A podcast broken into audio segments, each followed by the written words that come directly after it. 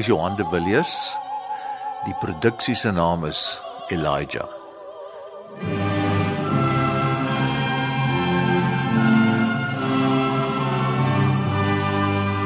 Dit is 'n volle uitvoering van Mendelssohn se baie beroemde en geliefde oratorium Elijah. Ek sien die regent Libertas koor is die koor wat gaan sing. Kaapse Filharmoniese Orkees, is die orkes. En die vier soliste is sopraan Magdalene Minnar, alt Menet de Twee Peers, tenor Given Kosi en die titelrol van Elia word vertolk deur Conroy Scott. En op orgel Zorada Temming.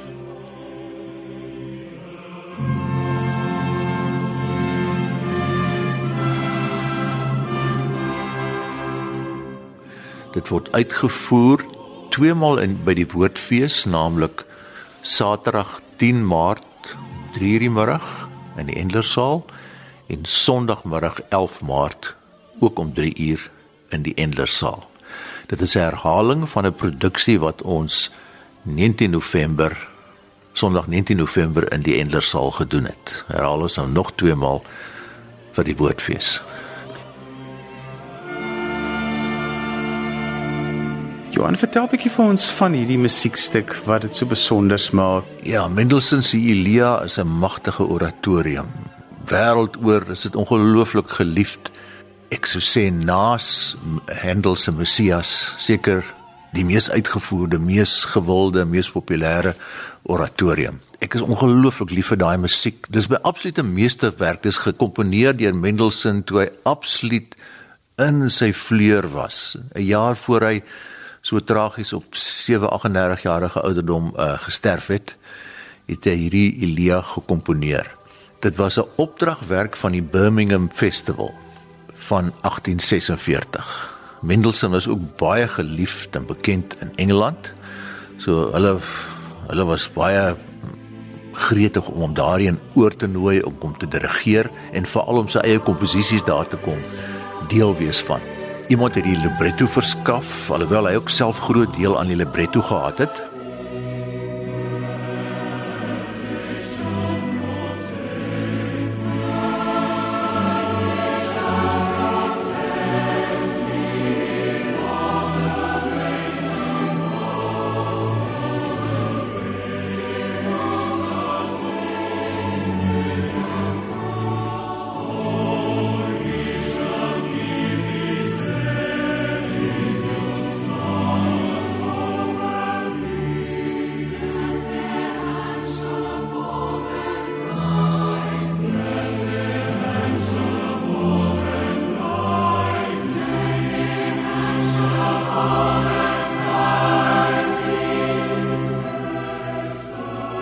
Gaan maar oor grepe uit Elia se verhaal. Hy's 'n Duitser, so hy dit in Duits bedink. Maar die eerste uitvoering synde in Birmingham, dit moes natuurlik in Engels wees eerder as in Duits en hy het toe self persoonlik saamgewerk met 'n teoloog in Engeland om die Engelse vertaling te laat gebeur. So hy was en hy was baie puntenerig oor elke lettergreep en klankkleur van Engelse woorde. So mense kan regtig weet as jy hierdie Engelse Elia sing, dat dit regtig Mendelssohn woord vir woord ook sy stempel op. So hy het toe oorgegaan, ek dink dit was Augustus 1846 en dit persoonlik gaan dirigeer by die Birmingham se musiekfees van daai maand. En uh, ek het al gesien 'n brief van Mendelssohn wat hy die volgende oggend vir sy broer in Duitsland geskryf het. Waar hy sê: "O, oh, ek's nou so opgewonde. Dit is die grootste sukses wat ek nog ooit in my lewe gehad het met 'n komposisie van my." Hy sê: "Jy weet, ek moes tydens hierdie uh, uitvoering in Birmingham moes ek ses van die nommers net daar en daar herhaal. So baie die mense daarvan gehou." Toe dog ek daaraan wel in daai dae as jy iets by 'n konsert hoor, is dit dalk die enigste mal in jou lewe wat jy dit hoor, want daar's mos nie opnames of radio of wat ook al nie. So dis interessant hoe die mense daai tyd as iets vir hulle mooi was, het hulle geïnsisteer. Sing dit weer, as dit weer hoor, hoor. Ja, en daarna het dit ongelooflik populêr geword en uh, tot vandag toe lewe dit voort in die harte van van musiekliefhebbers.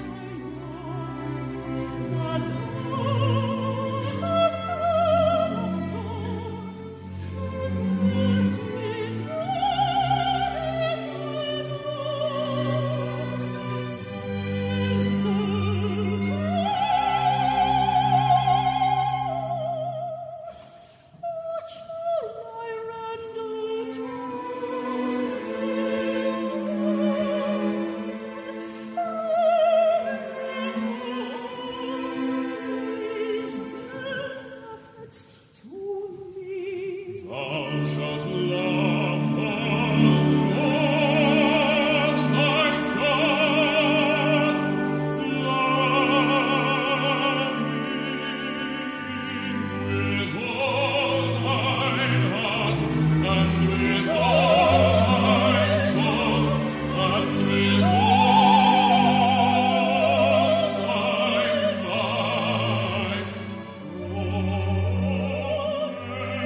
Dit is grepe uit Elia se verhaal en ongelooflik relevant op die oomblik vir ons kappenaars is dat die idee van 'n droogte sentraal is in die eerste gedeelte. Voor die ouverture kondig Elia aan die droogte van 3 jaar vir die volk Israel. En uh, dan daarna Elia word uitgestuur na 'n weduwee waar hy haar kind gesond maak en dan daag hy die priesters van Baal uit oor wie se God nou die regte God is en 'n wonderlike uh musiek wat hy rondom dit maak die kore van die Baal priesters waar hulle uitroep na Baal om die vuur af te stuur. En Elia wat net vir hulle koggel en net sê roep hom harder. Van Engels call him louder.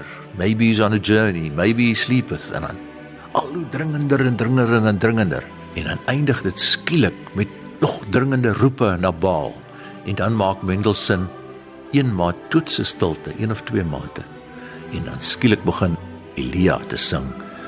Here God Abraham, ontferm U oor ons en wys vir hulle. En dan stuur God die vuur en die Baalpriesters kom on, hulle word doodgemaak en so aan. Dan die einde van die eerste helfte is dit nou waar Elia die seun uitstuur om te kyk of daar nie tog iewers 'n wolkie in die lug is nie. En elke keer kom hierdie seun terug om te sê, "Nee, dis niks. Dis die lug is blou. Ek sien nie 'n wolkie nie." En dan skielik sê hy, "Ek sien 'n wolkie so groot as 'n man se hand." En dan 1 2 3 kom die wolke aan en dan die wonderlike slotkoor van deel 1 is Thanks be to God. The waters gather they rush along sal dit wonderlik wees as ons ook een van die dae so kan sing nie. So uit ons harte kan ons regtig daai deel sing. Ons smag na die reën.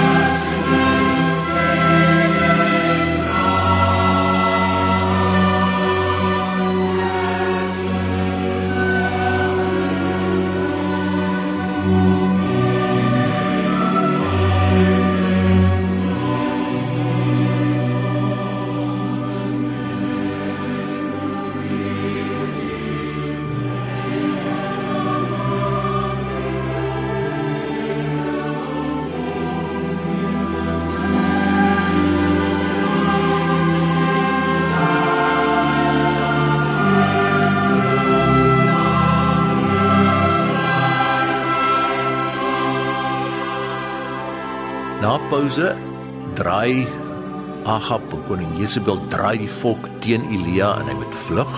Pragtige kore waar die engele hom vergesel en as dit ware in hulle arms toevou. Dan die wonderlike storie van Elia waar die engele hom berg toe stuur waar hy waar hy vir God moet gaan na luister. En die wonderlike koor wanneer hulle sê God was nie in die vuur nie, God was nie in die storm nie, God was nie in die wind nie sê maar daar kom 'n stil stem. God was in die stilte. in 'n small voice, wonderlike musiek. Ag en dan is daar die pragtige sangtoes, wonderlike kore. En dan uiteindelik word gaan Elia op hemel toe. There came a fiery chariot with fiery fiery horses and he went by a whirlwind to heaven. Maar die oratorium eindig nie daar nie. Daarna is daar nog 'n 'n solo en 'n paar kore waarin vooruitgesien word. There will come someone from the north na die komende Messias. En die uh saligheid wat hy op aarde sal bring en sy wonderlike boodskap vir ons almal.